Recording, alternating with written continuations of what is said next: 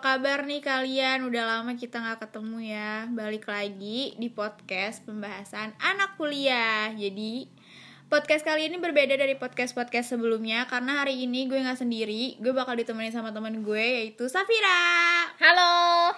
Jadi uh, sore yang dingin ini kita bakal ngobrol-ngobrol seputar pasar uang internasional karena pasti banyak yang belum tahu kan tentang pasar uang internasional itu apa. Jadi kita langsung mulai aja ya. Ya, mau tanya-tanya apa? Eh uh, kayak mungkin dari dasarnya dulu kali ya. Pasar uang internasional sendiri itu apa sih? Nah, kalau pasar uang internasional itu kan pertemuan antara pembeli dan penjual yang subjeknya itu antar negara yang bersangkutan. Di mana antar negara yang bersangkutan itu memperdagangkan produk keuangan dalam berbagai cara, termasuk penggunaan bursa efek. Oh, gitu. Terus awal mula terjadinya pasar uang itu gimana? Nah, kalau itu gini, pasar uang itu kan apa mencakup semua bank-bank yang ada di dunia. Nah, yang mengawalinya itu pasar uang Eropa dan Asia. Oh, jadi berawalnya itu dari dua negara itu. Tapi kenapa sih kok misal eh, kok bisa berasal dari dua negara itu? Jadi gini, nah pasar uang Eropa itu kan awalnya di tahun 1960 itu ditemukan di pasar euro currency, yang mana MNC itu memperluas usahanya. Jadi, karena dolar Amerika Serikat itu digunakan secara luas, maka selalu ada kebutuhan akan dolar di Eropa dan tempat-tempat lainnya. Nah, ketika melakukan perdagangan internasional dengan negara Eropa, Amerika Serikat itu menyimpan dolarnya di bank-bank Eropa, atau yang biasa dikenal dengan istilah euro dolar.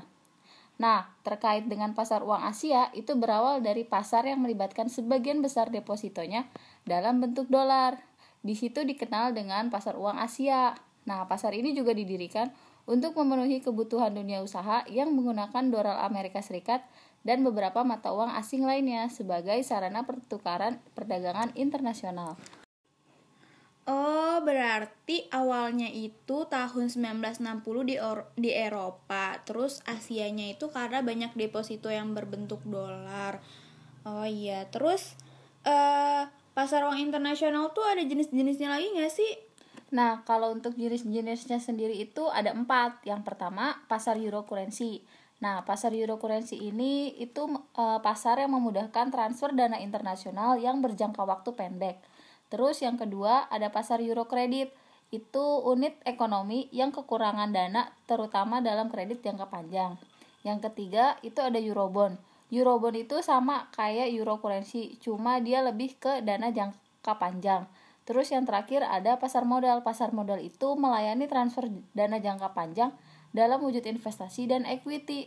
Jadi banyak macamnya juga ya ternyata pasar uang internasional itu. Iya, memang banyak. Sekarang gue udah mulai paham nih soal pasar uang internasional. Dari perbincangan kita tadi, gue bisa menyimpulkan bahwa pasar uang internasional itu pertemuan antara pembeli dan penjual yang subjeknya antar negara yang diawali oleh pasar uang Eropa dan Asia. Terus pasar uang, pasar uang internasional juga memiliki empat jenis seperti pasar euro currency, euro credit, euro bond. Euro bond tuh yang sama kayak euro currency sama pasar modal kan. Bener gak sih gue? Ya, betul banget. Oke deh, sekarang gue udah lebih setidaknya ada gambaran soal pasar uang internasional. Gue nggak buta-buta banget lagi soal pasar uang internasional dan mungkin bisa membantu teman-teman juga yang mendengarkan di rumah tentang apa itu pasar uang internasional. Terima kasih banyak buat Safira. Sama-sama.